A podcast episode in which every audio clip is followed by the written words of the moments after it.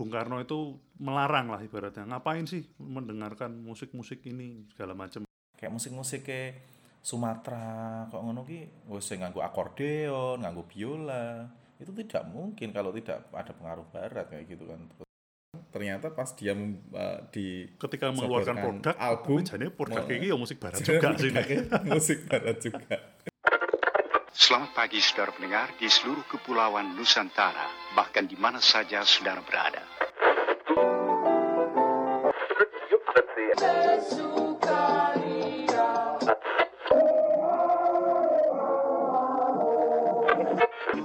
main ceki mabuk brandy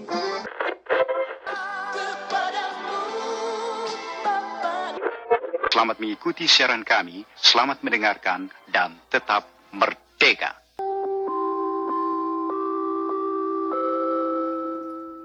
Ya, Assalamualaikum warahmatullahi wabarakatuh.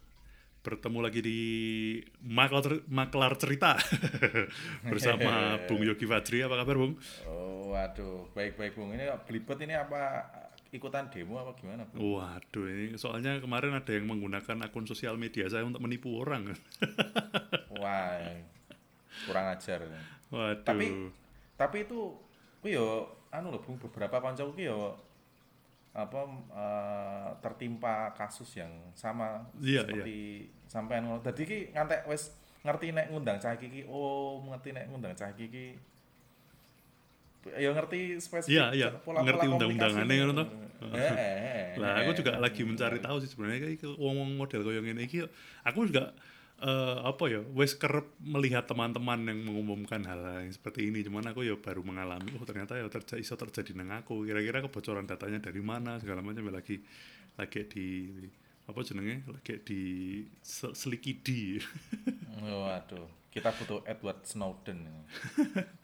ya tapi ini sementara di tengah-tengah ramainya demo katanya di Semarang cukup ramai saya memantau dari eh, internet dan sosial media teman-teman nih kawan-kawan nih kawan-kawan kita tapi anu ya masih masih terkendali ya masih aman ya Wah, ini ada satu orang yang kita cari-cari nih bung kumpulan kita ini. Waduh ini ini. garuk?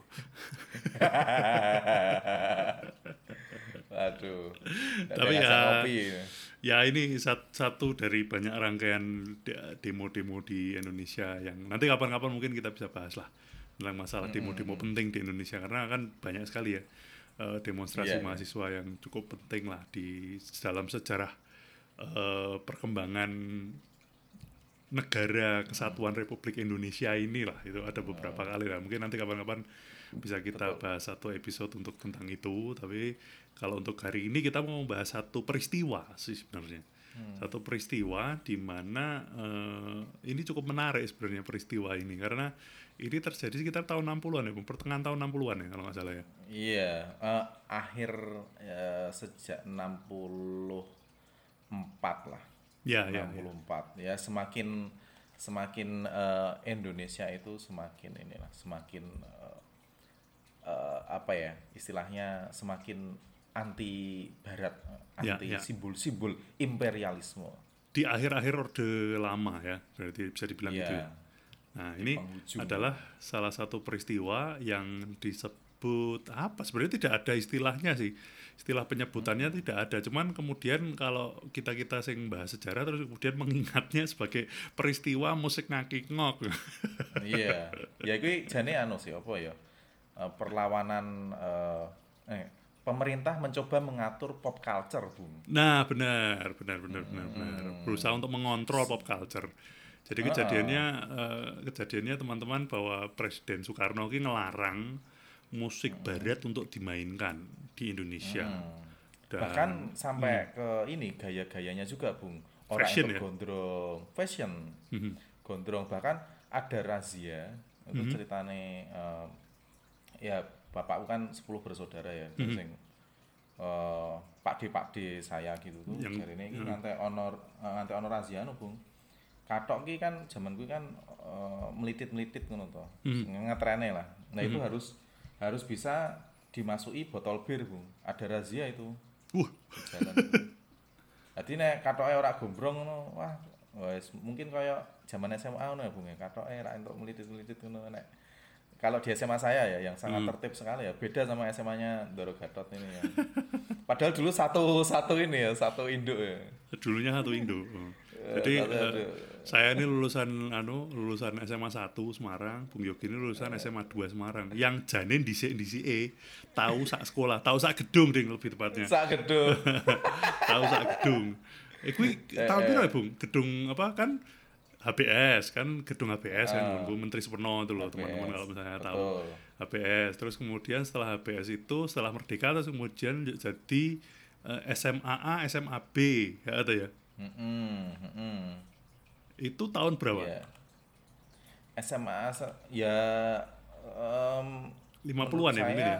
Kalau ya ini masih SMA SMA gue kan kayak ditulisnya itu kan tahun 50-an kebanyakan ya. Soalnya saya yakin pada saat ini, pada saat apa?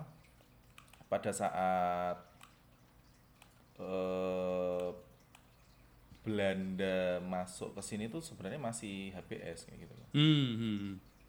kayak apa ya apalagi Semarang itu kan sebenarnya masih basis ya jadi nggak nggak yang 45 langsung ganti sekolah kayak gitu. Hmm, hmm. Oh maksudnya Belanda masuk itu ini ya maksudnya eh, kelas ya kelas 1 kelas 2 nah, eh, kelas 1 kelas 2 kayak gitu tuh.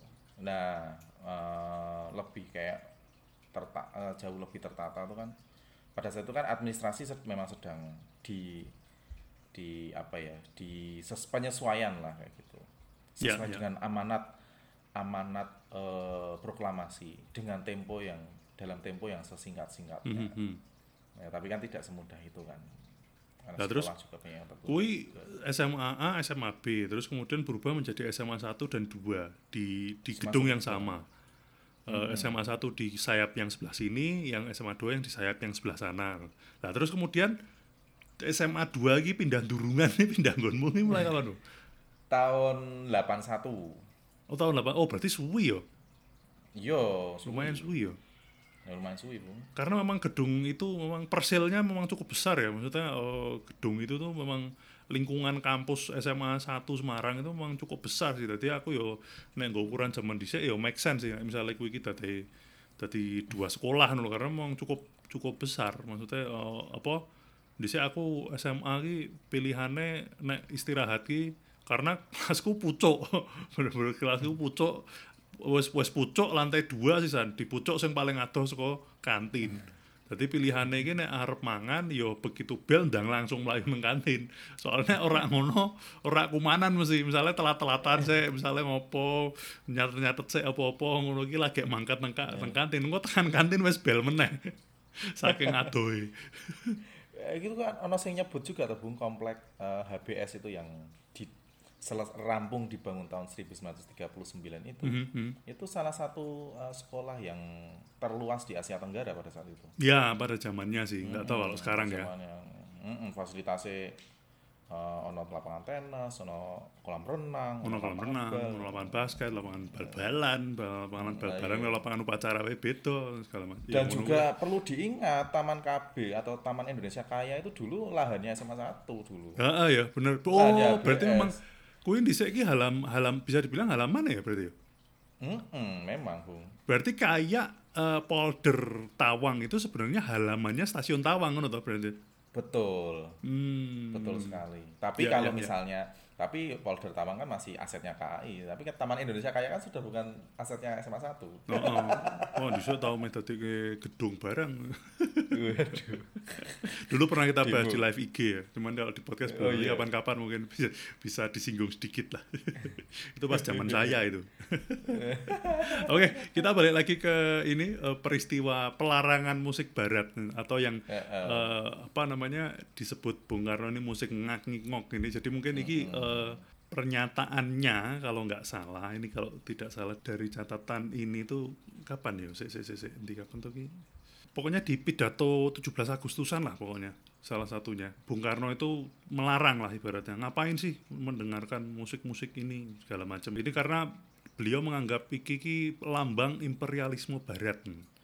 Musik Iya. Kok ini kemudian membuat membuat buat apa? Aku tidak aku lupa eh, teks aslinya ya. Tapi kalau nggak salah nyebutnya buat apa kalian dansa dansi, ca-ca-ca segala macem dengarkan musik-musik ngak ngik ngok. Kayak berarti kayak ngono kuwi lah. Kenapa kok mendengarkan yang seperti itu? Itu kalau nggak salah di perayaan 17 Agustus dan setelah itu terus kemudian banyak aksi-aksi eh, yang dilakukan pemerintah untuk mengendalikan eh, pop culture lah ibaratnya kayak gini ya. Iya, menciptakan sebuah kultur yang mencerminkan kepribadian bangsa.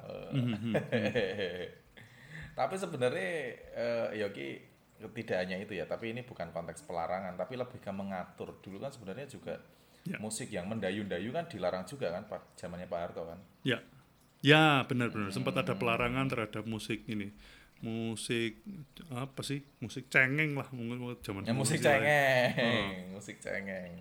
Gelas gelas kaca. Lagu-lagu sing koyo ngono koyo ngono. Betaria Sonata bangsane ngono-ngono wis ora entuk. Apa karena cengeng ya. Heeh, kuwi apa jenenge eh ora entuk lah zaman semono. Jadi ini sebenarnya bukan pelarang bukan seka, bukan sekali-kalinya terjadi sih terhadap terhadap eh, yang dilakukan pemerintah lah ya. Orde lama yang melakukan, orde orde baru yang melakukan segala macam. Cuman nek sing nggone eh, dan dua-duanya ternyata yo apa jenenge eh, melakukan represi, Bung, terhadap musisi. Represi. Hmm, aksi represi Yeah. terhadap musisi. Karena di Orde Lama ini salah satu ya, salah satu yang sempat ditahan, ditangkap lah, dipenjarakan. Kena getahnya, kena, Kena getahnya, betul. Itu dipenjarakan itu si iki apa eh, Kus Plus. Jadi mungkin teman-teman kalau eh, mungkin belum pernah dengar ya Kus Plus ini grup band Kus Plus ini salah satu eh, band legend Indonesia lah ibaratnya. Itu eh, dulu pernah dipenjarakan oleh eh, Bung Karno hanya karena Sampai mereka ada- bermain musik rock and roll. Sampai ada lagunya tuh, tuh dari penjara ke penjara. Kalau nggak salah ya. Dan setelah itu sempat rilis album eh, apa ya? Kalau nggak salah judulnya The, eh, The So Called Guilties. Dan mereka tidak pernah diperadilkan ternyata. Jadi memang cuma di Langsung jeblos kayak Eh, langsung jeblos ke- dan kalau menurut cerita yang aku dengar ya mereka ki apa eh, eh, manggung main ke lagu Beatles bar bar setelah itu turun panggung langsung dijemput lang- dan dicokok langsung masuk ke penjara Wah. dan dan benar-benar di penjara tanpa pengadilan makanya hanya karena karena ini adalah simbol eh, me- dianggap menyebarkan simbol-simbol imperialisme barat luar biasa sekali. Eh, sorry, koreksi Bung. Ini saya dikoreksi ini teman saya yang memang anu menggemari lagu-lagu lawas ini. Ini Oh iya, siapa? hidup di dalam bui. Nah, ya ini toh Bapak Brengos ini. oh, gimana gimana gimana gimana gimana Hidup di dalam bui, Bung. Dari Hidup di penjara ke penjara tuh. Ah, Oh. judul lagunya. Nah, hidup di bui bukan Pus Plus, hidup di bui itu Deloitte. Oh, Deloitte. Oh, salah. Heeh, beda. Oh, salah, Bang. Heeh, dan iki kuwi kuwi kuwi ceritanya ya menarik juga karena gara-gara gara-gara lagu itu eh, apa namanya The band Deloitte itu ya sempat dipenjara tapi dipenjarane karo Orde Baru Oh, kondo. Heeh, tahun 70-an lah aku kalau nggak salah ingat ya tahun 70-an mereka gara-gara lagu itu. Dan itu dianggap dianggap sebuah kritik terhadap penjara di Tangerang atau di mana lah ibaratnya. Eh, kuwi di, dianggap eh, sebuah kritik itu terus pemerintahnya rak terima. Wah semenak wae kita penjaranya itu nggak kayak gitu ya. Memangnya kita penjara zaman Jepang atau apa? Terus baru kuwi orang wonge rak rak terima terus di penjara aku nggak tahu ya apakah di penjaranya melalui proses peradilan atau tidak tapi Deloitte juga mengalami tapi beda beda anu beda rezim. Maksudnya zaman orde lama memenjarakan musisi zaman orde baru memenjarakan musisi juga. Gara-gara musiknya ya. Kalau zaman sekarang kan ya ada musisi yang dipenjarakan tapi bukan karena musiknya tapi lebih karena eh, apa ya lebih Ya, karena satu kejadian di luar politik lah. lah. Gila di album musik. Yang aku yo aku pribadi walaupun banyak tidak sepakat dengan eh, ide-idenya tapi dengan eh, fakta bahwa dia terpenjara gara-gara hal ini aku ya ora setuju juga sih serem hanya ber- Hmm, hanya bermusik saja tuh bisa menghantarkan anda sekolah betul kutip. betul ngeri ya istilahnya ngeri. wong jadi ke istilahnya jadi wong Semarang sekolah sekolah eh, sekolah istilah jadi ki biasanya nek mlebu penjara kan mesti takoni to mesti mlebu gara-gara apa ngono Sing gara-gara maling ngono sing gara-gara nipu gara-gara apa gara-gara ben-benan niku koyo nek ora wangun Ini saya sudah menemukan Bung ternyata di Eh, piye? anu Bung. Tadi tambahi itu pidato 17 Agustus Ya, ya, ya. 1959. Manipol Usdek. Hmm. Mm-mm, jadi memang ini apa eh, ya itu mengkritisi soal kebudayaan barat itu. Hmm. Mm-mm, itu Mungkin bisa dijelaskan sedikit, Bu. Eh jane ki kondisi sosial politik pada waktu itu ki piye to kok sampai kemudian simbol-simbol ini dilarang segala macam ngono-ngono ki. Eh, mungkin Bu Yogi bisa cerita sedikit tentang ini. ya apa ya pada saat itu kan kita semakin ini kan semakin eh, lebih ke perang dingin kan ya. Oh, iki ono kaitannya karo perang dingin ya. ada juga pada saat itu memang kesan anti barat itu Mhm. sangat digaungkan karena kita juga semangat sema- sedang semangat semangatnya untuk eh, nasionalisasi berbanyak banyak sektor kayak itu salah satunya Ah. eh, nasionalisasi perusahaan-perusahaan yang karena ekses dari kebuntuan negosiasi pemerintah Indonesia dengan pemerintah Belanda Hmm, hmm. soal Papua Barat. Jadi Mhm, eh, kita putus hubungan diplomatik tahun 57 dan agaknya itu semakin mengekskalasi gitulah eh, Mhm. sentimen-sentimen anti Barat yang sebetulnya itu sudah sejak zaman Jepang sebenarnya kan kita ditanamkan zaman Jepang itu kan sentimen anti yang anti anti bahwa awalnya anti Belanda tapi terus kemudian anti Barat kayak gitu.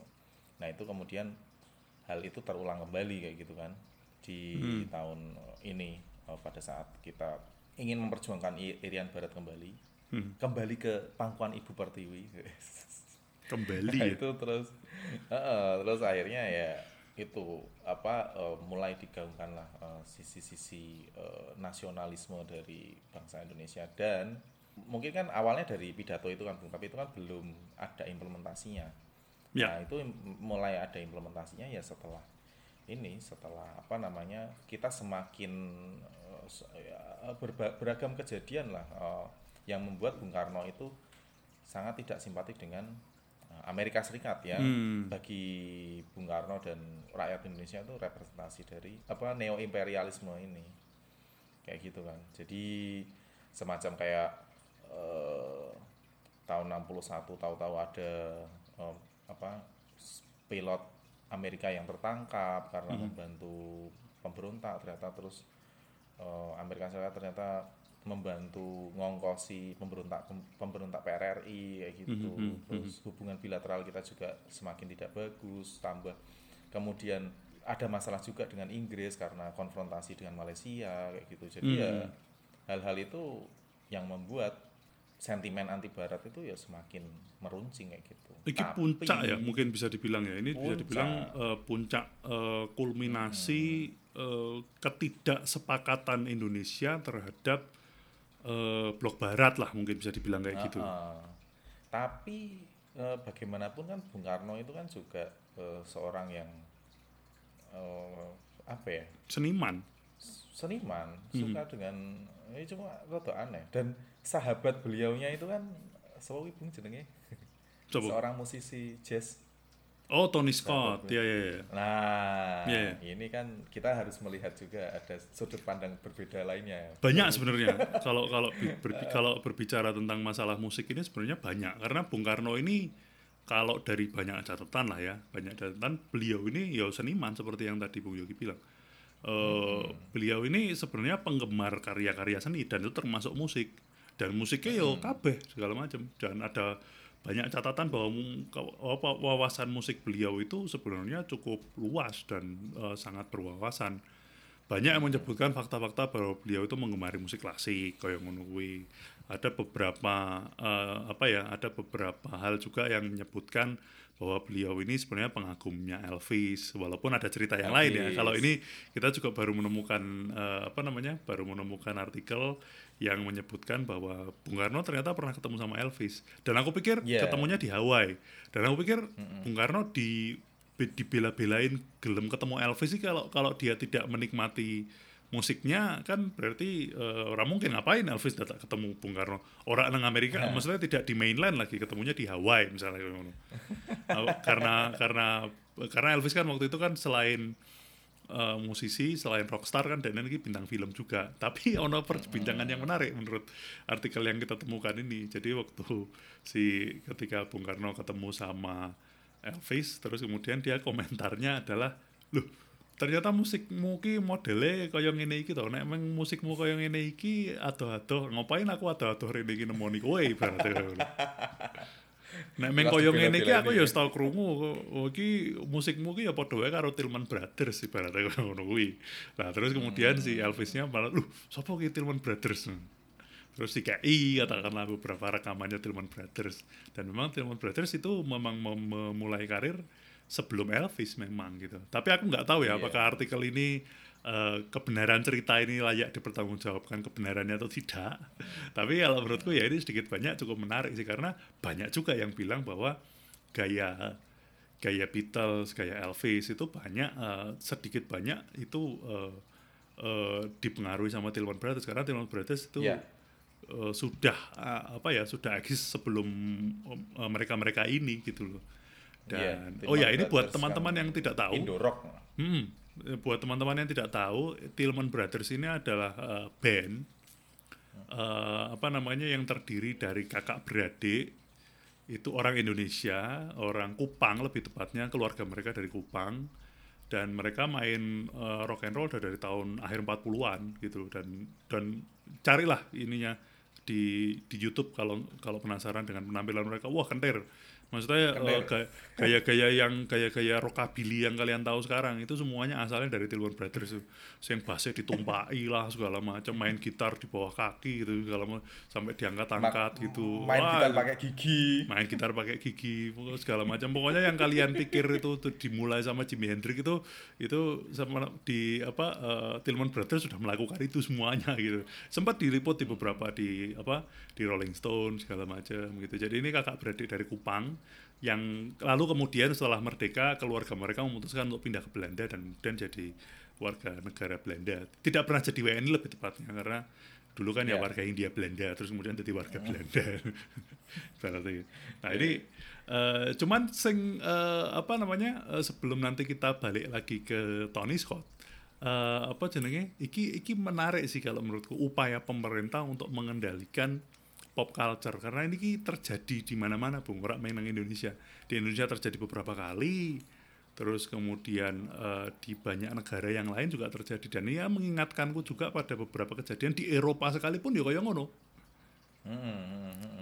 Kayak Iya. misalnya pada waktu eh, era tahun berapa? Tahun 30-an lah. Tahun 30-an sampai tahun 40-an di Jerman di masa kekuasaannya Nazi Hitler itu jazz itu dilarang. Dan aku sempat bahas ini di siaranku di Jazz Moment dulu di Trax itu sempat tak bahas. Kalau nggak salah sempat lebih dari sekali aku bahas tentang masalah ini. Itu juga eh, apa kalau tapi nek nek nek nenggone Jerman ki eh, pelarangannya lebih ngece sih lebih tepatnya. Kalau di Bung Karno kan eh, apa ya pelarangannya kan lebih karena apa ya beliau menganggap ini adalah eh, representasi kebudayaan imperialisme Asing. barat lah nek nek nek nenggone Nazi ki pembahasannya terus yo ora ngono. Nek Nazi eh, pembahasnya adalah ngece. Musik-musik monyet kok dimainin. Wah, kayak ngono gitu oh Karena kan- itu notabene yang memainkan adalah orang-orang orang-orang kulit hitam. Karena yang prominent di jazz dan blues itu kan orang-orang apa musisi-musisi kulit hitam jadi poster nek nang nggone Jerman ki posternya bener-bener poster simpanse main klarinet ngono ya lho. Terus dikai simpanse berpakaian jazz terus kemudian bermain klarinet nih ibaratnya. terus kemudian eh, jadi poster-poster propagandanya Nazi itu kayak gitu kalau di Jerman. Jadi terus kemudian ora ento eh, apa jenenge musik ini tuh nggak boleh dimainkan eh, rekornya tidak boleh dijual bangsanya kayak ngono kayak sempat ada pelarangan. Persis kayak kayak eh, kayak di era orde lama ini gitu loh jadi kayak itu padahal kan era-era iki ya tahun 30-an tahun 20-an tahun 30-an itu kan era-era jaya-jayanya swing lah. Dan swing itu jadi lagi jadi musik eh, popnya zaman segitu. Musik dansa musik musik anak muda termasuk anak-anak muda Jerman juga seperti itu gitu. Jadi musik-musik ini tuh dilarang. Ballroom ballroom itu ditutup. Jadi eh, orang-orang pemuda-pemuda Jerman tuh ya kalau mau berdansa ya pakai musik barok. Musiknya orang apa orang Arya. Yang ngono kuwi lho. Kuwi terjadi. Dan kuwi ono sampai nggawe nganu nih sampai nggawe nganu nih Bung. apa eh, ini aku dapatnya eh, dapat eh, ininya dari film. Jadi ada beberapa film yang me- menceritakan tentang ini. Salah satunya film itu judulnya oh film agak lama sih. Dia eh, rilisan tahun 90-an awal. Judulnya Swing Kids. Ini menceritakan tentang kehidupan anak-anak penggemar musik swing di Jerman pada waktu era-era segitu. Jadi ono rahasia nih loh. Jadi kayak eh, kayak ono eh, barisan pemuda yang khusus merahsia eh, kelakuan-kelakuan penyakit masyarakat lah ibaratnya mungkin di Jerman cuma Loh. semono. Persis berarti kan kayak yang terjadi di Indonesia dengan Heeh, itu tadi yang rahasia itu tadi tuh. heeh. Mereka nyebutnya itu HJ. Hitler Jungen, Oh, pemuda Hitler. oh. kalau nggak salah kalau nggak salah ya itu itu apa eh, terjemahan eh, terjemahan directnya gue kan Hitler Jungen berarti Iya, kan eh, pe- pemuda Iya. Hitler kan Iya, pemuda Hitler itu. nah gue Hitler jadi dia mereka berpakaian seperti SS ngono gue bu dan mereka Iya, merahasia ah, ah, ah. tempat-tempat ini ballroom ballroom ini Jadi- coklat-coklat. no. Nah, bener coklat-coklat kuwi. Dan gue para pemuda-pemuda penggemar jazz dan penggemar swing ini mereka kalau membuat dancehall sendiri nek pas misalnya lagi ada rahasia dari Hitler's Jungen ini mereka tiba-tiba mengganti musiknya dengan musik klasik dan berdansa klasik. Bareng kok ngomongnya lu ngomong meneh langsung ganti Benny Goodman meneh dansa meneh ngono kuwi. Ngomong-ngomong ini itu ada ada ini ada apa namanya ada soal musik klasik ada ini ada apa ada anekdot Piye? ada anekdot ya di Jerman itu orang lebih mengenal Hitler sebagai orang Jerman Beethoven sebagai eh, bukan orang Jerman kayak gitu Hmm. karena kan Hitler kan sebenarnya orang orang Austria gitu Wong Austria bener, bener. Eh, eh, tapi Beethoven malah dikenalnya sebagai orang Austria soalnya kan Hmm. mu- mu- musisi klasik sebelumnya si Mozart itu kan orang orang Austria Ah, bener, padahal Beethoven ini wong Jerman Ludwig van Beethoven, Ludwig. von von Beethoven. Von, Ini memang saya wong Jerman ya. Maksudnya kalau eh, Heeh, si eh, Wolfgang Mozart iki sing wong Austria. Austria Hmm. tapi orang itu kenalnya Hitler tuh sebagai orang Jerman padahal Hitler tuh orang Austria sebenarnya Iya iya iya. iya. Dan koyong ini koyong ini yo terjadi nang ngene. Aku kalau nggak salah ingat juga di Jepang tuh sempat dilarang juga jazz itu di era-era zaman segitu. Ya lebih karena itu. Oh, Eh, ya. nah, kalau di Jepang mungkin wacananya lebih podo ya. Kui mereka memerangi imperialis dan mereka menolak musik-musik ini, musik imperialis barat ini mereka tolak ibaratnya kuwi. Soviet juga Soviet juga. Nah, gue nunggu Soviet ini menarik, Bung. Kenapa? Jadi sempat aku mendengarkan eh, bojoku sih mendengarkan podcast yang bercerita tentang eh, dilarangnya musik-musik jazz di Rusia, eh, di Soviet pada waktu itu. Sehingga terus kemudian eh, piringan hitam piringan hitam ini terus kemudian jadi nggak boleh di ini kan, tidak boleh ada, tidak boleh beredar lah ibaratnya. nggak boleh beredar Tapi penggemar musiknya ini kan tetap ada dan mereka tetap mendengarkan musik-musik ini secara ini secara eh, underground. Lah mereka terus kemudian mengcopy. Jadi kan eh, piringan hitamnya kan zaman semula kan media rekamnya kan piringan hitam. Jadi Yes. piringan hitamnya ini mereka menggandakan piringan hitam ini dengan cara menggunakan media bekas ronsen. oh Jadi bekas ya. ronsen, eh, bekas ronsen kan nganggune kan bahannya kan kayak plastik kayak vinil gitu. Hmm, hmm, hmm. Dan mungkin zaman segitu kayaknya vinilnya mungkin lebih tebal ya dibandingkan zaman sekarang gitu. Eh, Jadi mereka menggunakan vinil-vinil bekas ronsen iki itu untuk menjadi media untuk dijadikan eh, dijadikan piringan hitam. Jadi niki eh dadi ra ono label Jadi kayak misalnya rekamannya katakanlah rekaman Louis Armstrong ngono. Tapi gambarnya gambar scan apa gambar gambar apa eh, gambar tengkorak. gambar tengkorak ngono-ngono gitu. Gambar gambar eh, rusuk. ronsenannya ronsenan paru-paru ngono gitu. Dan sekarang eh, rekaman-rekaman itu jadi collector's item karena menjadi ya karena jadi penanda sejarah. Dan Iya. kuwi, dan itu di, diedarkan secara Pasti. Secara ini secara underground. Dan eh, nek konangan pun eh, ora patio cetro kan karena bentuknya kan ronsen. Mereka menganggap iki ya memang bekas ronsen padahal sebenarnya itu ada ulirnya dan itu bisa diputar di di ini di eh, di gramofon atau di apa turntable. Itu bisa disetel. Oh, berarti Iya, kudu diketok isik ya. apa? Kudu diketok isik no berarti. Iya diketoki, diketoki. Ya, mbah aku aku tapi tidak ti- karena aku tidak mendengarkan langsung ya. Aku tapi sempat googling juga dan aku sempat ono metu gambar Jadi memang rekaman-rekaman ini bentuknya ronsen-ronsen ngono gitu, gambar sikil. Ini yang apa biasanya anak-anak sekarang kan suka ngoleksi vinil tuh Vinil. harus punya itu berarti. Nah itu, ini ini vinil-vinil yang cukup langka lah dan sekarang nilainya katanya udah eh, karena terbatas kan zaman semono. Iya iya iya. iya. Tapi sebenarnya Bung Gatot eh, musik Barat masuk berakulturasi dengan musik. Kalau kita misalnya bicara soal Bung, Bung Karno pengen pengen menciptakan sebuah musik ta- tanah air yang Ya. dalam tanda kutip mungkin bersih dari pengaruh Barat ini janjane kan ya wis ra iso juga kan. Jane wis ra iso angel juga karena ternyata pengaruh Angel. musik barat terhadap musik tradisi itu ternyata cukup kenceng. Iya. Lah, soalnya aku ngerasanya kayak misalnya saya saya se- se- sering sih kayak ngerungok kayak musik-musik eh, tradisional juga, musik-musik Nusantara seperti itu ya. Kayak musik-musik kayak Sumatera, kok ngono ki wis sing nganggo akordeon, nganggo biola. Itu tidak mungkin kalau tidak ada pengaruh barat kayak gitu kan. Terus Iya, iya. Kayak, Dan terutama iki, eh, Bung, eh, apa namanya? Aku waktu itu pernah berdiskusi lah ya tentang masalah musik tradisi ini. Salah satu ini, salah satu ciri musik eh, tradisional, musik tradisi kita, itu tuh rata-rata notasinya ini minor. Oke, minor. Nah, rata-rata notasinya jadi eh, musik-musik timur itu rata-rata notasinya ki minor. Jadi memang kabeh ki nek misalnya dirunut nganggo notasi notasi apa pakai dimainke lah nganggo gitar apa dimainke nganggo piano nada per nada itu susunannya itu rata-rata minor. Jadi lagu-lagu tradisional segala macam gue rata-rata notasinya ki minor. Termasuk tekan iki lah, tekan apa ya? Tekan adan wis. Adan Ya, minor. Dan Adan iki minor, meh nak adane meh nganggo apa nak adane meh nganggo Adan langgam Jawa. Jawa, eh, langgam Jawa pun tetap minor. Maksudnya sing Arab pun ya tetap minor.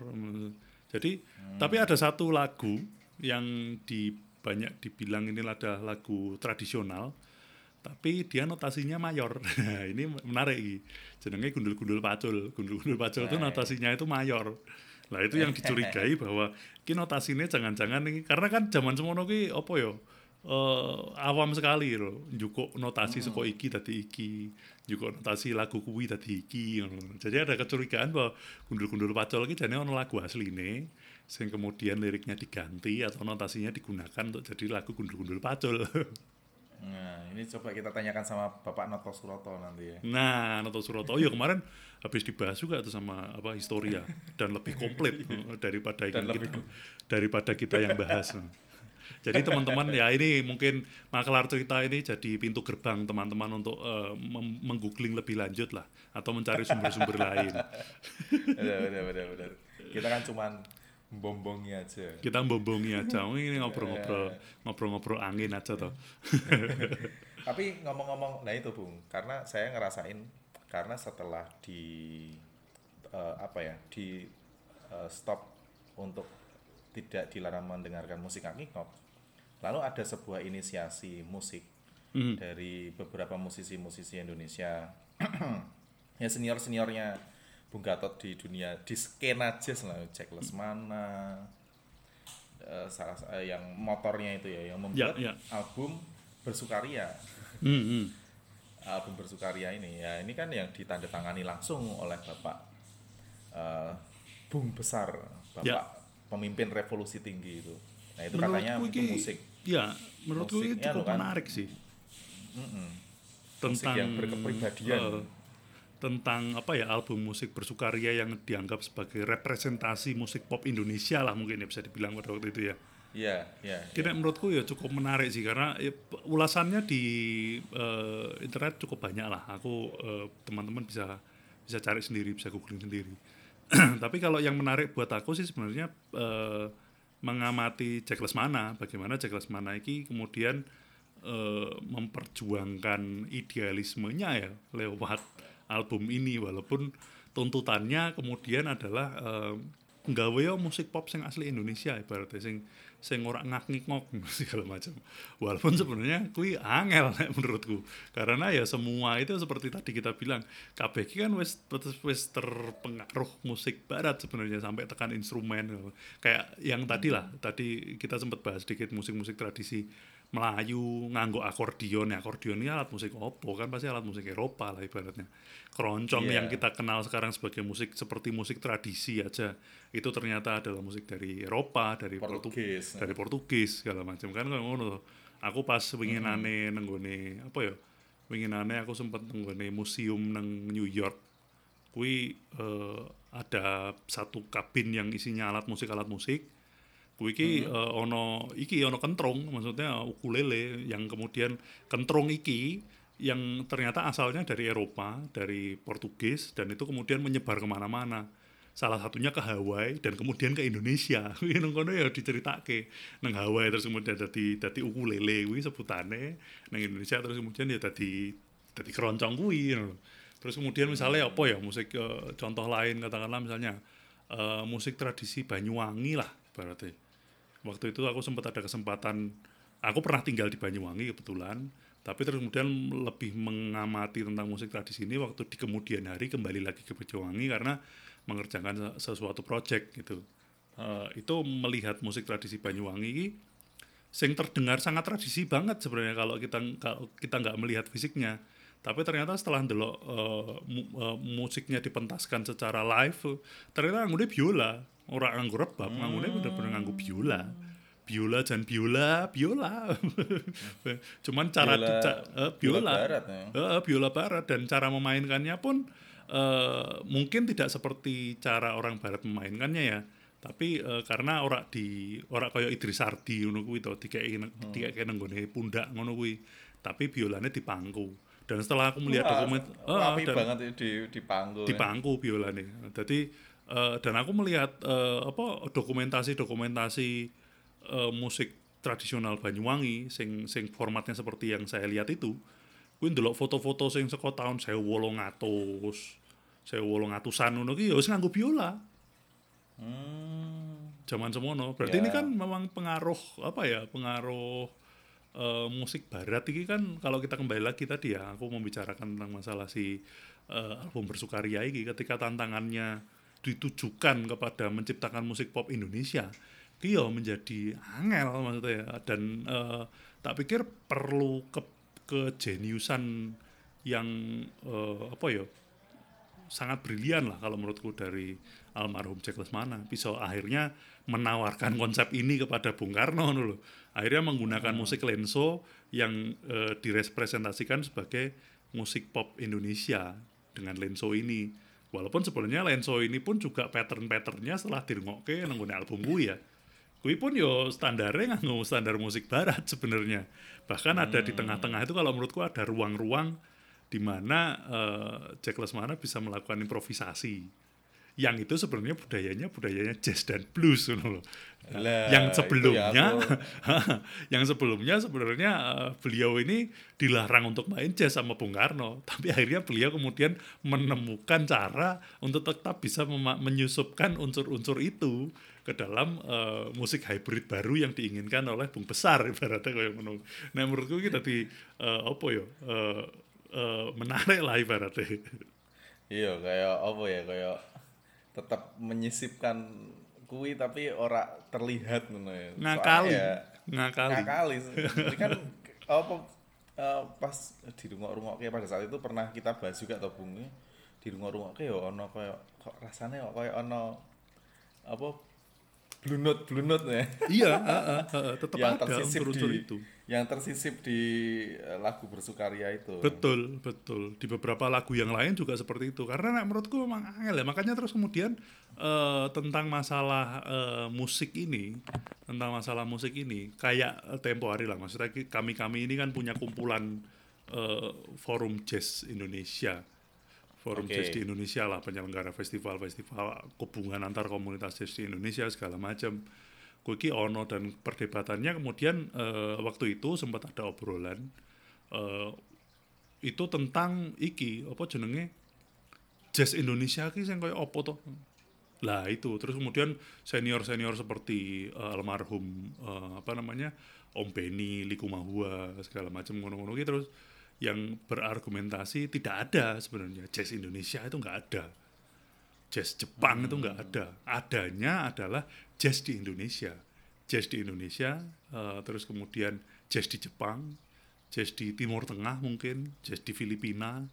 Lah itu nanti pasti beda karena ada akulturasi dengan unsur-unsur kebudayaan lokal. Tapi apakah itu bisa dibilang mus eh, jazz Indonesia. Kan yo ora ora iso isone ya kuwi jazz di Indonesia ibaratnya. Karena tetap tetap, Iya. tetap kita memainkan kaidah-kaidah musik yang asalnya dari dari Amerika kalau jazz lah ibaratnya. Terus kemudian pe- eh, eh, apa ya per- eh, obrolan kontemporernya kemudian berlanjut. Bahwa sing disebut musik Indonesia gitu terus opo lah? Kayak sing pertanyaanmu kuwi mau bung maksudnya eh, lagi musik Indonesia ki opo maksudnya? Eh, musik ya terus kemudian almarhum Pak Jado waktu itu yang bilang ya ora ora tepat istilah itu. Istilah yang istilah yang paling tepat adalah musik-musik di Indonesia.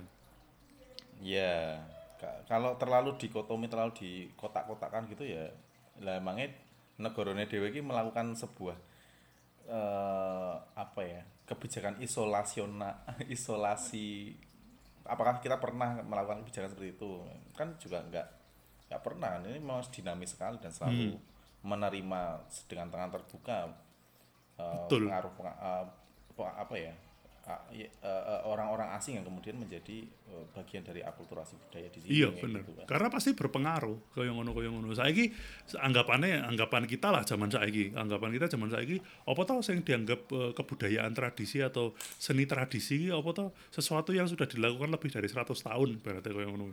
Lah kaya mau kaya musik Banyuwangi kuwi mau. Iki wis dilakukan lebih daripada lebih da- dari lebih dari 100 tahun, kalau 100 tahun berarti udah 1920. Lah iki kayak tahun 18 sekian wis nganggo biola. Wis nganggo biola Eropa terus yo piye ngono iki terus piye? Kan yo ora iso. Kaya ngono kuwi. Mungkin orang-orang terus melihatnya sing eh, kalau konteks musik jazz mungkin sing kayak Indonesia Jazz All Star ngono ya Bung ya sing ono unsur-unsur musik. Nah, kemudian musik. Eh, apa eh, Indonesia apa Indonesian All Star itu ya akui pendekatan-pendekatan yang dilakukan oleh senior senior itu ya. Eh, al- ya rata-rata sudah almarhum sih cuman tinggal satu kayaknya yang belum almarhum itu Om Benny Mustafa. Itu ya pendekatan-pendekatan yang seperti itu ya. Maksudnya memasukkan ono ono siter dilebokken kono ono gamelan ono apa notasi sing dimainkan seperti gamelan Bali segala macam akhirnya kaya ngono kaya ngono kuwi sing sing sing ya, pendekatan-pendekatan seperti itu. Tapi kan ya tetap kaidahnya kan tetap kaidah jazz kan yang dima- dimainkan di situ. Ya ya ya ya ya. Eh, Setelah itu kemudian ono Krakatau sing kemudian memasukkan unsur-unsur musik tradisi. Terus kemudian ono sapa meneh ya ono kul-kul lah ya. Sing nganggo gamelan Bali atau Balawan, eh, Batuan Etik Fusion, koyo ngono koyo ngono ya. Bujana, bujana. Bujana, Mas apa Tohpati, segala macam banyak memasukkan unsur-unsur unsur-unsur kaya ngono dan sampai saiki kan kayak eh, DJ DJ terkini kan eh, kayak misalnya Dipa Barus kan banyak pakai unsur-unsur musik tradisi juga kaya ngono kuwi. Tapi kan yo eh, yo ki akulturasi yo nggak tetap nggak bisa dibilang apakah musiknya Dipa Barus terus yo bisa dibilang EDM Indonesia kan ya ora iso. ya piye EDM, Iya. di Indonesia lah ibaratnya mungkin lebih tepatnya. Tapi ya, ini permasalahan istilah tapi ternyata ya penting bahwa nah aku sih kemudian teladannya adalah em, musik se- seni ternyata ora iso di di ora iso di dikotomi ora iso ternyata. Iya. Wah, Jadi- apa, eh, memang borderless ya memang. borderless bener. Jadi memang eh, tak pikir ya pilihan eh, UNESCO untuk menetapkan internasional day karena jazz itu dianggap sebagai salah satu cabang seni yang menyebarkan eh, perdamaian di seluruh dunia. Nah, menurutku sih pendekatan yang cukup menarik eh, karena ya kui karena memang musik ini borderless loh ra iso dia di di di apa-apa ke di berusaha untuk dikotak-kotakkan bahwa ini harus begini ini. Pokoknya musik pop di Indonesia ya koyong ini koyong ini iki. Ya ora iso.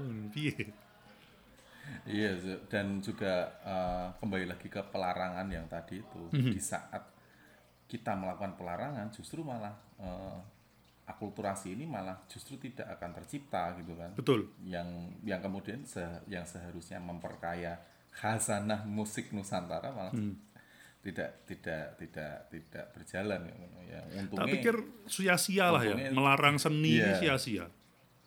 Lah anaknya seneng kok. Lah Kan iya ada cerita bahwa Bung Karno itu eh, si eh, anaknya itu si Guntur itu ketahuan muter kayak gitu terus ya kayak dimarahin ayahnya sendiri gitu. Kayak itu dari Tapi ngarakku yo ya mungkin itu di satu masa ya karena eh, banyak sumber lah yang menyebutkan bahwa Bung Karno ini penggemar seni dalam bentuk apa pun, sen- penggemar seni musik juga. Dan kalau apalagi kita dekat kembali lagi Tom ke Scott itu tadi ya Betul, kalau kita kembali lagi ke Tony Scott ini tadi, eh, jadi menarik ya, Tony Scott ini adalah musisi dari Amerika, aku lupa dari New York atau dari Chicago.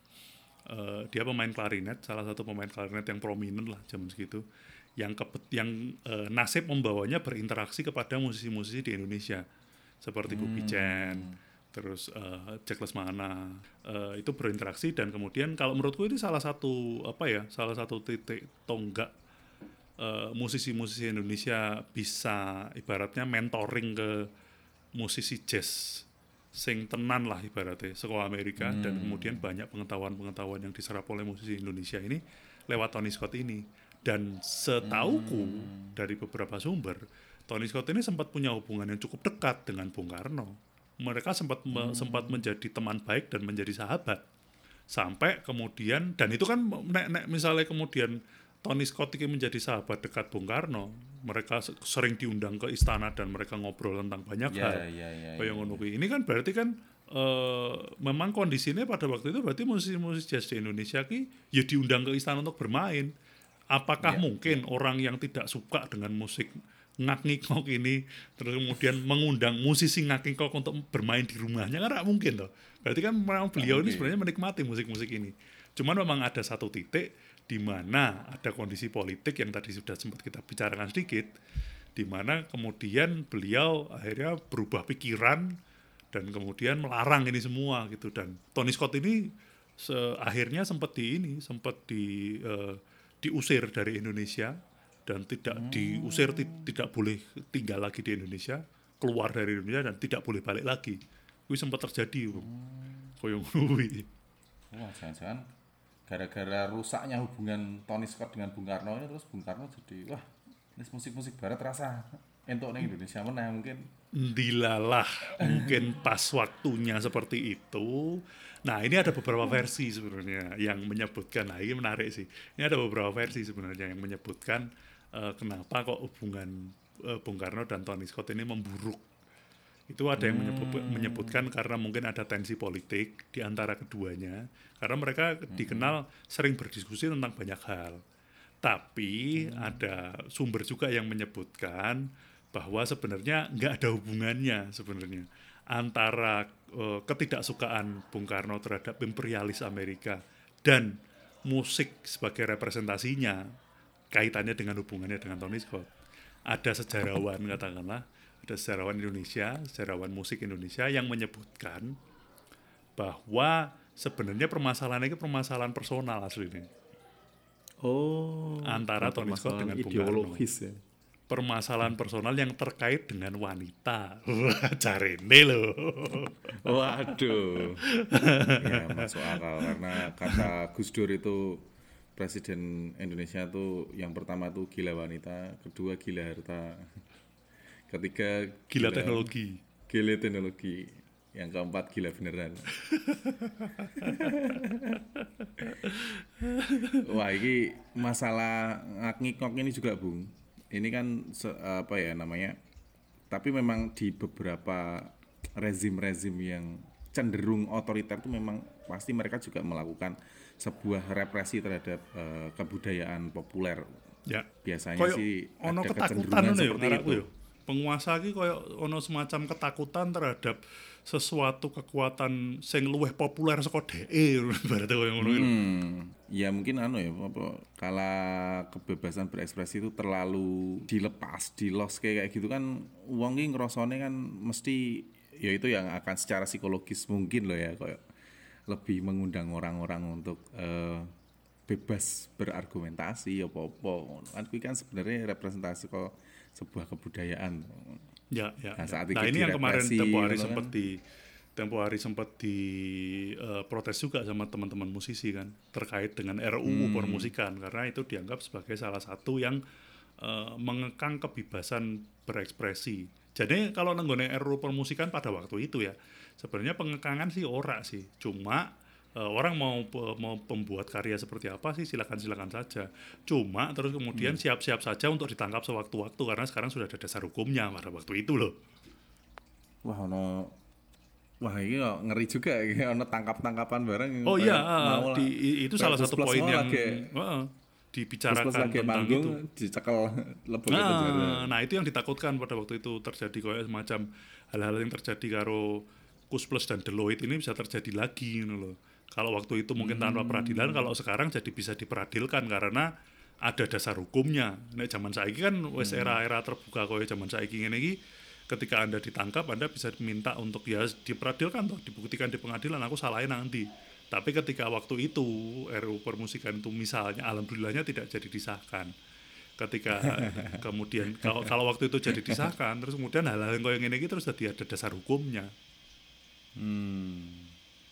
Iya iya iya. Yo semacam apa ya? Mengatur inilah. Mengatur selera masyarakat. mengatur ekspresi dan selera masyarakat kalau menurutku ya mirip kayak inilah apa mbiyen kayak eh, yang dilakukan oleh balai balai pustaka Mhm. memilih kebudayaan Jawa sing representatif ki menurut e, bahkan itu kan menurut Belanda tuh menurut Ya, Belanda itu ya. sing sing representatif budaya Jawa ki ya sing terstandar kui iki sing ala Surakarta bahkan yang sesama keraton keraton aja yang Jogja itu enggak apalagi yang pesisiran kayak gitu kan. Ya kan sama kayak ngene gitu maksudnya musik musik dia sing terstandar yang lebih merepresentasikan keindonesiaan. budaya keindonesiaan kok ngono. Lah, standarnya standarnya sopo kan. betul. Lagi memang angel sih ketika musik-musik kayak apa seni lah ibaratnya. Seni itu berusaha untuk distandarisasi itu eh yo angel tapi bu ngopo jenengane nek masalah ini apa namanya eh, lenso ini hmm. lenso ini kan sebenarnya juga kalau kita lihat ini kan juga musik-musik dari Maluku ini kan juga sudah campur banget yo pengaruh Eropa tetap ngarakku Seko struktur Nggak lah ya, yang- jumlah apa panjang lagu. Wi yo nggak bukan struktur musik ini, bukan struktur musik tradisi barate. Karena iki loh Bung, ada Hmm. perbedaan sih sebenarnya antara musik eh, apa antara musik eh, tradisi dengan musik modern lah mungkin kalau kita bisa bicarakan musik barat Hmm. itu bisa dibilang kan musik modern. Perbedaannya ini orang nggone penempatan sebenarnya ternyata loh. Jadi penempatannya yang lain. Eh, jadi kalau musik dalam musik barat apa ya musik itu penempatannya adalah kuis sajian utama. Jadi memang kita datang itu kita katakanlah nonton pertunjukan. Kita datang itu memang hanya memang untuk menonton musik. Jadi sajian utamanya adalah musik. Jadi musik itu menjadi sentral atau misalnya katakanlah ada nyanyian atau apa, itu menjadi sentral ibaratnya. Sentral lagi nang kono gitu. Jadi kita eh, pendekatan ini yang dilakukan oleh barat pertama kali sebenarnya menjadikan musik itu sebagai sebuah sentral atensi. Lah nek nenggone musik tradisi Indonesia itu di semba, di hampir semua daerah lah ibaratnya. Musik ini itu bukan sentral, musik iki pengiring, musik iki bingkai kan lho. Bingkai dari Mengiringi sebuah tari, prosesi. mengiringi Apakah proses nah nek misalnya prosesi. balik mm, nek balik nenggone era animisme ngono-ngono ki ya prosesi apa? Prosesi berdoa, prosesi sajen misalnya, prosesi eh, persembahan, prosesi apa ngono lho. Ya prosesi Hmm. utamane kuwi sajian utamane ki dalam bentuknya mungkin eh, prosesi atau tarian atau apa bentuknya kayak ngono. Lah musik ki terus kemudian jadi bingkainya ngono lho. Makanya terus kemudian secara Meditasi, prinsip, ya. Heeh, jadi mungkin secara prinsip ki kemudian eh, beda katakanlah. Atau mungkin kalau di Sulawesi Selatan lah misalnya eh, di budaya Bugis ini eh, musik itu menjadi pengiring cerita. Jadi liriknya cerita. Jadi kan dewe kan budayanya kan budaya lisan tuh mereka mencampai- Iya, iya, iya, menyampaikan cerita tentang eh, raja-raja terdahulu, tentang ke sesuatu kejadian, misalnya opo, mereka menyampaikannya lewat lirik gitu loh. Lah, musik itu terus kemudian menjadi bingkainya. Jadi wong iki teko ki ora arep ngrungokke musik, arep ngrungokke ceritane ngono lho ibaratnya. Atau dhewe iki Tapi katakanlah diiringi dengan diiringi dengan musik. Nah, komposisi. musik itu terus kemudian ada bingkai. Lah kemudian Hmm. ketika musik tradisi iki kemudian diformatke kayak musik barat, ibaratnya iki dhewe teko nonton musik tok dadi ra masuk ngono lho. Kayak misalnya gamelan wis. Gamelan kuwi apa? Gamelan itu kan pengiring wayang, pengiring tarian. Iya, iya, iya. Jajal nek misalnya wayangnya dilangi atau tariannya dilangi, dhewe ngrungokke gamelan tok ngono misalnya kayak ngono. Yo ngantuk. karena konten Karena- utamanya sajian utamanya ini ora ono ngono. Jadi karena memang eh, makanya waktu itu yang sempat kita bahas juga apa Kenator Sabdo ini cukup revolusioner ketika gamelan ini dikasetke ibaratnya. Karena dikasetke ini terus yo eh, eh, jadi kayak secara secara nganu ki terus yo ngrungokke ka- gamelan kaset ki terus yo oh apa sing dirungokke sego iki? Maksudnya ki ya kemudian iki digubah ya. Heeh, kemudian terus ada jadi ono temba- tapi tembang-tembang itu juga itu sebenarnya kan bagian dari sebuah iki ki ora bu- bukan bukan sajian utama loh ini kan satu bentuk dari eh, satu apa ya satu bagian bukan satu bentuk sih satu bagian dari prosesi yang lebih besar loh. Kuwi beda nih. Nek musik klasik dhewe nonton nonton musik, kita menikmati musiknya gitu.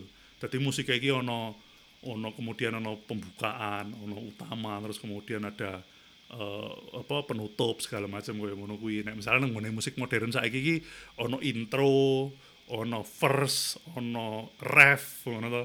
Terus kemudian ono outro, terus kemudian ada misalnya ada koda, misalnya kayak ngono ki dadi ono bagian-bagian kayak ngono kuwi kuwi lah nek mau neng- nenggone gamelan apa ya ono kaya ngono nih kan ya kan ora penempatannya ora kaya ngono lho Bung. Tapi itu aku jadi ingat Bung, eh, Hmm. ini apa namanya? Ya, kembali lagi ke tokoh Not- Noto Suroto ini ya. hmm. Itu aku pernah baca jurnalnya, dia eh, menuliskan kembali langgam-langgam. Nah, kan tadi kan sebagai pengiring toh Bung. Jadi Hmm. kan eh, apa gamelan kuwi sebagai itu satu kesatuan. Jadi lagu kuwi ono seri-seri nih karena nanti pas dalam katakanlah tokoh pas wayang wayang penampilan wayang orang atau wayang kulit kayak gitu tuh pas ini babak ini pas ini ini itu disamakan dengan opera ala Eropa yang menggunakan komposisi musik klasik. Ya. Itu kan juga ada over apa misalnya Figaro yang hmm. eh, si Mozart komposisinya Mozart yang ini eh, eh, eh, untuk yang babak ini untuk yang babak ini nanti ada yang komposisi untuk babak ini. Nah itu disamakan kayak gitu. Jadi di beberapa hal ya nah, musik klasik pengiring tadi ada juga bung. Iya tapi kan dituliskan juga, logikanya tetap nganggo logika Eropa loh dipadake karo Eropa. Ya ya sih. Secara natural berarti kan eh, apa jenenge? Musik itu ora dirancang nggo kaya ngono berarti. Sing dirancang ki ora musike. Sing dirancang ki kan prosesi utamanya apakah kuwi wayange apakah itu tarinya itu yang dirancang lho. Kem- kemudian musik yang kemudian menjadi bingkainya lho. nah kalau Noto Suroto nah aku ndeloke terus kemudian dia menggunakan logika eh, logikanya diwale bahwa terus kemudian eh, musik ini kemudian ditulis nganggo adat Eropa ibaratnya kayak ngono. Nek, nek aku loh nek aku kemudian memandangi kayak ngono. Tapi ketika Iya, iya, iya. ketika apa ya ketika musik ini diciptakan jane kan eh, orang ono kebutuhan untuk menciptakan musik yang utama gitu. Yang yang kebutuhan utama adalah menciptakan prosesi iki gitu loh apakah ini Iya. tari apakah seni apakah wayang wong apakah ketoprak atau apa gitu loh terus kemudian musik ini yang eh, menjadi menjadi bagian dari itu. Kan ora ono eh, ketoprak sing dimainke berdasarkan musik ini kan ora ono kan. Musik sing digawe nganggo ketoprak nggo ketoprak iki kan kan kaya ngono. Tapi ya tapi ya anu ya mungkin, mungkin bisa saja ada bukti-bukti lain yang saya nggak sepenuhnya benar tapi nek menurut pengamatanku ki kaya ngono sih nek aku loh deloke Hmm. Wah, ini saya jadi ingat ini, Bung. Apa grup grup musiknya teman saya nih, Tri, Tri, Tridatu ini. Tridatu. Mungkin Tridatu itu kan membuat musik eh, untuk kepentingan meditasi. Nah, kuwi. Jadi musiknya memang mengiringi sebuah aktivitas yang dilakukan ngono. mulane tadi datu kuwi kudu ono aksi-aksi teatrikale karena ra masuk Oh kuwi. iya, bener, bener, bener, bener, bener, bener. Iya iya iya iya. Kalau hanya didengarkan sebagai sebuah komposisi ki ya oh piye ya? Ngono kuwi ya, Bung ya.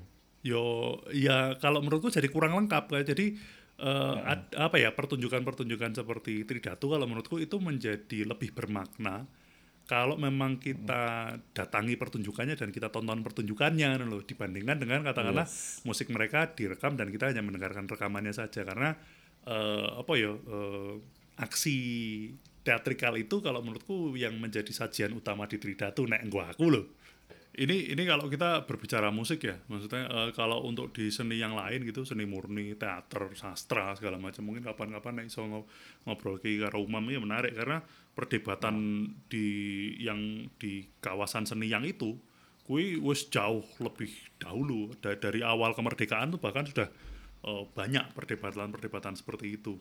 Termasuk ya Suroto barang kui itu sudah sudah membahas tentang jane yang disebut seni rupa Indonesia ki yang koyo ngopo to? Wah kuwi perdebatannya dawa terus kemudian sastra iya, Indonesia iya, ki iya, iya, koyo ngopo ibaratnya. Terus kemudian ada eh, corak-corak ya koyo kayak nang seni rupa ki termasuk apa ya? Termasuk perdebatan antara koyo lukisan model moi indie ngono kuwi terus apakah itu disebut bisa disebut sastra apa eh, bisa disebut seni rupa Indonesia misalnya koyo ngono kuwi terus kemudian eh, dan misalnya tokoh-tokoh koyo eh, sapa eh, Sujoyono misalnya kenapa kok dia dianggap Ya. sebagai bapak seni bapak seni rupa Indonesia misalnya koyo ngono koyo ngono. Kuwi perdebatannya dawa iku. Dan itu tak pikir teman-teman yang di seni murni lebih perdebatannya jauh lebih awal dan lebih panjang sebenarnya daripada musik. Kalau musik aku lihat sih perdebatannya tidak tidak cenderung tidak sesengit itu nek nek nek aku ndelok sih. Mungkin karena musisi keset-keset jadi ini malas kon padu. Musisi ya senengnya sekon manggung kon manggung bayaran wis balik udah bagus kuwi ngono. Dak bagong ya. Dak bagong. ya. Semarangan banget ya. ya mungkin eh, ada lagi bung mungkin yang mau dibahas eh, seputar ini? Cu- tak pikir kita cukup cukup banyak membahasnya jadinya ya, dari pelarangan Bung Karno terhadap musik ngakikok tapi ternyata spektrumnya cukup lumayan akeh sing diobrolke Iya, ya karena apa ya? Ya kembali lagi pokoknya saat pelarangan sebuah ekspresi, ekspresi berkebudayaan, atau ekspresi berkes- berkesenian itu ya tidak akan efektif karena bagaimanapun nature-nya manusia ya pengen pengen daya eksplorasinya tuh tinggi ya gitu loh. Daya eksplorasinya tinggi dan kala itu terjadi ya nanti akan memb- membawa celah-celah yang kayak tadi teman-teman apa yang penikmat jazz di Rusia malah jadi pakai wis nemu wae ngono lho Bu. nemu wae apa bahkan yang yang jadi menjadi bahkan yang menjadi lucu itu kan saat saat itu tadi Bung Karno melarang eh, musik barat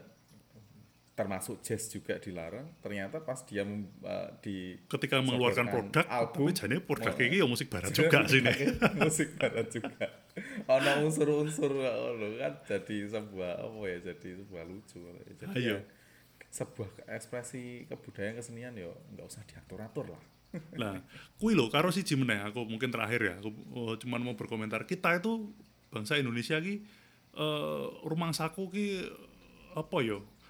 Ada rasa inferior dan yang menyebabkan kita menjadi selalu ketakutan terhadap infiltrasi budaya asing. Kuwi selalu ono ketakutan koyo ngono lho, padahal dhewe kuwi ngarakku kekayaan budaya popnya juga sebenarnya sangat kaya.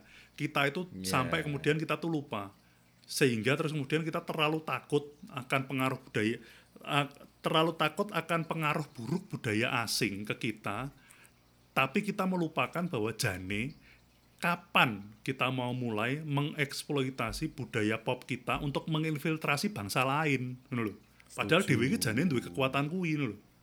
Loh jane kan wes to Bu. Ah, iya tapi kan tidak terencana katanya di negeri tetangga itu musik-musik kita populer Ya memang, tapi kan itu tidak terencana. Mestinya apakah ap- maksudku eh, secara secara narasi kebangsaan, itu kan ora ora ora direncanakan. Kaya kaya ngono kaya ngono kan ora ora meng, meng terjadi secara natural saja kan. Memang karena Ya, iya. eh, karena memang ya memang karya-karya musik kita bagus ngono lho. Tapi kan Iya, iya, eh, pemerintah ki opo yo mikir ki tekan sakmono kan ya ora. Sing dipikirkan selalu kan eh, promosi budaya tradisi segala macam koyo bukannya kuwi rak penting ya kuwi penting. Tapi budaya kita itu sebenarnya punya kekuatan yang cukup untuk menginfiltrasi bangsa asing bangsa lain ngarahku loh. Cuman ya kapan kita mau berpikir ke arah situ? Oh, maksudnya Bung Gatot lebih ke kayak yang di apa ya di di apa direncanakan dan sama dengan strategi K-pop yang di memang secara Ya, itu contoh lah. Itu contoh oleh salah satu. Korsel gitu ya. Betul, itu salah satu contoh Iya, lah. iya. Misalnya kayak ngono. Karena eh, negara-negara lain sebenarnya banyak yang melakukan itu. Singapura ki melakukan itu, Malaysia ki Hmm. Oh, melakukan Singapura itu. Tapi ya ora payu, wong elek tetep apik dhewe. Dhewe ku rasa nganggo kaya ngono pun, ki wis tekan ngendi-ngendi sebenarnya karyanya. Cuman i- ibaratnya kaya iki contohnya yang paling gampang wis bung lah. Bagaimana terkenalnya Didi Kempot dan eh, mungkin banyak musisi keroncong Indonesia di Suriname. Oh, Mus iya, Mulyadi segala macam. Wis kayak Godfather kan ibaratnya. Kayak Didi Kempot terus kayak Godfather nang Suriname. Tapi pernah nggak pemerintah Indonesia melakukan promosi kebudayaan Indonesia sing bener-bener fokus nang nggone Suriname mempromosikan keroncong? Digowo kabeh iki penyanyi keroncong campur sari lah apa segala macam digowo dipromosikan ke Suriname terus kemudian akhirnya band wong Suriname iki te- terus dadi ke Jawa-Jawaan atau ke Indonesia Indonesiaan ngono kan ra ono to? Upaya koyo ngono ra ono. Iya, padahal iya, potensinya kan gede banget koyo ngono ki. Bagaimana terus kemudian Iya. musik fangkot sangat populer sempat sangat populer di Jepang. Tapi kayak apa apakah ya pemerintah ki apa apa apakah departemen kebudayaan Indonesia ki mikir ke untuk me- menginfiltrasi eh, apa negara lain negara yang dituju ini dengan budaya-budaya pop kita kan ya ora ono to koyo ngono Iya, iya. karena ketakutan kita terhadap infiltrasi budaya asing masuk ke kita itu menjadi lebih besar daripada sebenarnya dewe ki yo iso menginfiltrasi bangsa lain. Kita mampu untuk Mampu nek ngaraku. Loh memang kan eh, ini apa banyak sih kisah-kisah di negeri jiran ini yang sangat mengidolakan musik-musik kita yang sebenarnya sudah lima tahun yang lalu trennya. lah kayak ngono kuwi. Tapi kan dewe kan ya pertanyaan kuwi lo kapan kita mau mulai berpikir ke arah situ. Kapan? Oke. Itu harus dijawab. Terima kasih Bung atas waktunya mungkin eh, Iya, Bung, sama-sama. untuk pembahasan kita hari ini dan eh, next kita Jangan akan membahas terus dengarkan musik ngak-ngikok loh. dengarkan terus musik ngakikok karena itu memperkaya khasanah dan wawasan kita. Iya betul betul betul. Oke, next kita akan membahas eh, cerita-cerita kabar angin lain seputar sejarah. Bisa saja itu peristiwa seperti hari ini, bisa saja itu tokoh, bisa saja itu mungkin benda atau apa lah gitu. Tadi silakan ikuti saja eh, apa namanya eh, podcast ini Makalar Cerita akan terbit setiap Kamis insya Allah untuk episode baru dan sampai ketemu di episode selanjutnya bersama saya dan Bung Yogi Fajri. Sampai Terima bertemu kasih. lagi. Wassalamualaikum warahmatullahi wabarakatuh. Waalaikumsalam warahmatullahi wabarakatuh.